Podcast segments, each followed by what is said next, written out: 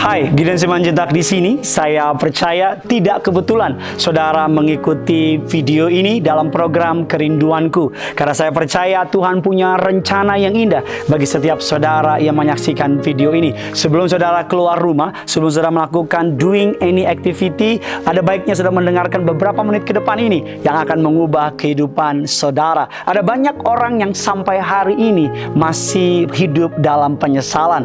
Mereka berkata, kalau aja saya tidak ketemu sama si dia, kalau aja saya nggak doing bisnis sama dia, kalau aja saya nggak menikah sama si A atau si B, dan sampai hari ini kegagalan di masa lalu masih merampok masa depan mereka, kesakitan di masa lalu masih melemahkan mereka di masa depan mereka. Firman Tuhan mengatakan dalam sebuah firman Filipi 3 ayatnya yang ke-13 dan ke-14, Rasul Paulus menuliskan dengan sangat indah kepada setiap kita, saudara-saudaraku, aku sendiri tidak menganggap bahwa aku telah menangkapnya, tetapi ini yang kulakukan. Aku melupakan apa yang ada di belakangku dan mengarahkan diri kepada apa yang ada di hadapanku.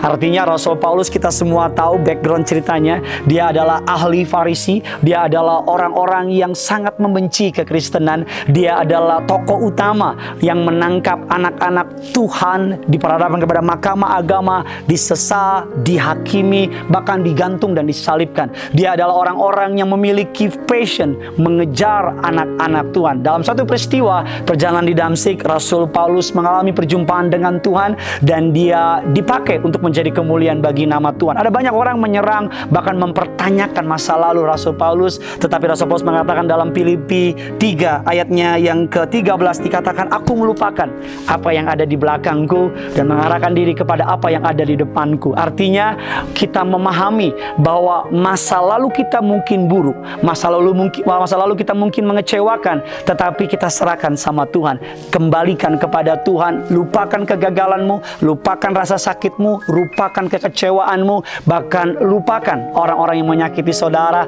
arahkan dirimu kepada pandanganmu yang di depan. Dalam setiap pembuatan mobil, kaca spion atau kaca kiri kanannya sangat kecil, kaca depannya begitu besar. Artinya apa? Bahwa pembuat mobil ingin yang menyetir fokus ke depan karena tujuannya di depan bukan di belakang. Tuhan juga mau saudara fokus di depan bukan di belakang. Tapi Pak Pendeta sakit banget hati saya. Tapi Pak Pendeta kecewa banget keadaan saya. Tapi hari ini keadaan saya begitu pahit. Saya tahu tidak mudah. Saya tahu tidak pernah mudah untuk mengampuni orang yang bersalah kepada kita.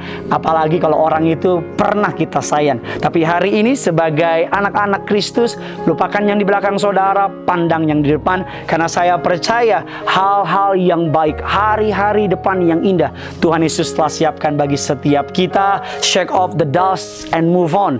Tebarkan atau bersihkan debu di sekitar saudara dan maju bersama dengan Tuhan. Bagikan kabar baik ini kepada setiap saudara-saudara, kepada teman-teman saudara. Sama seperti saudara diberkati, saya percaya saudara yang lain juga pasti diberkati. Yang punya surga, crazy in love with you. Bye-bye.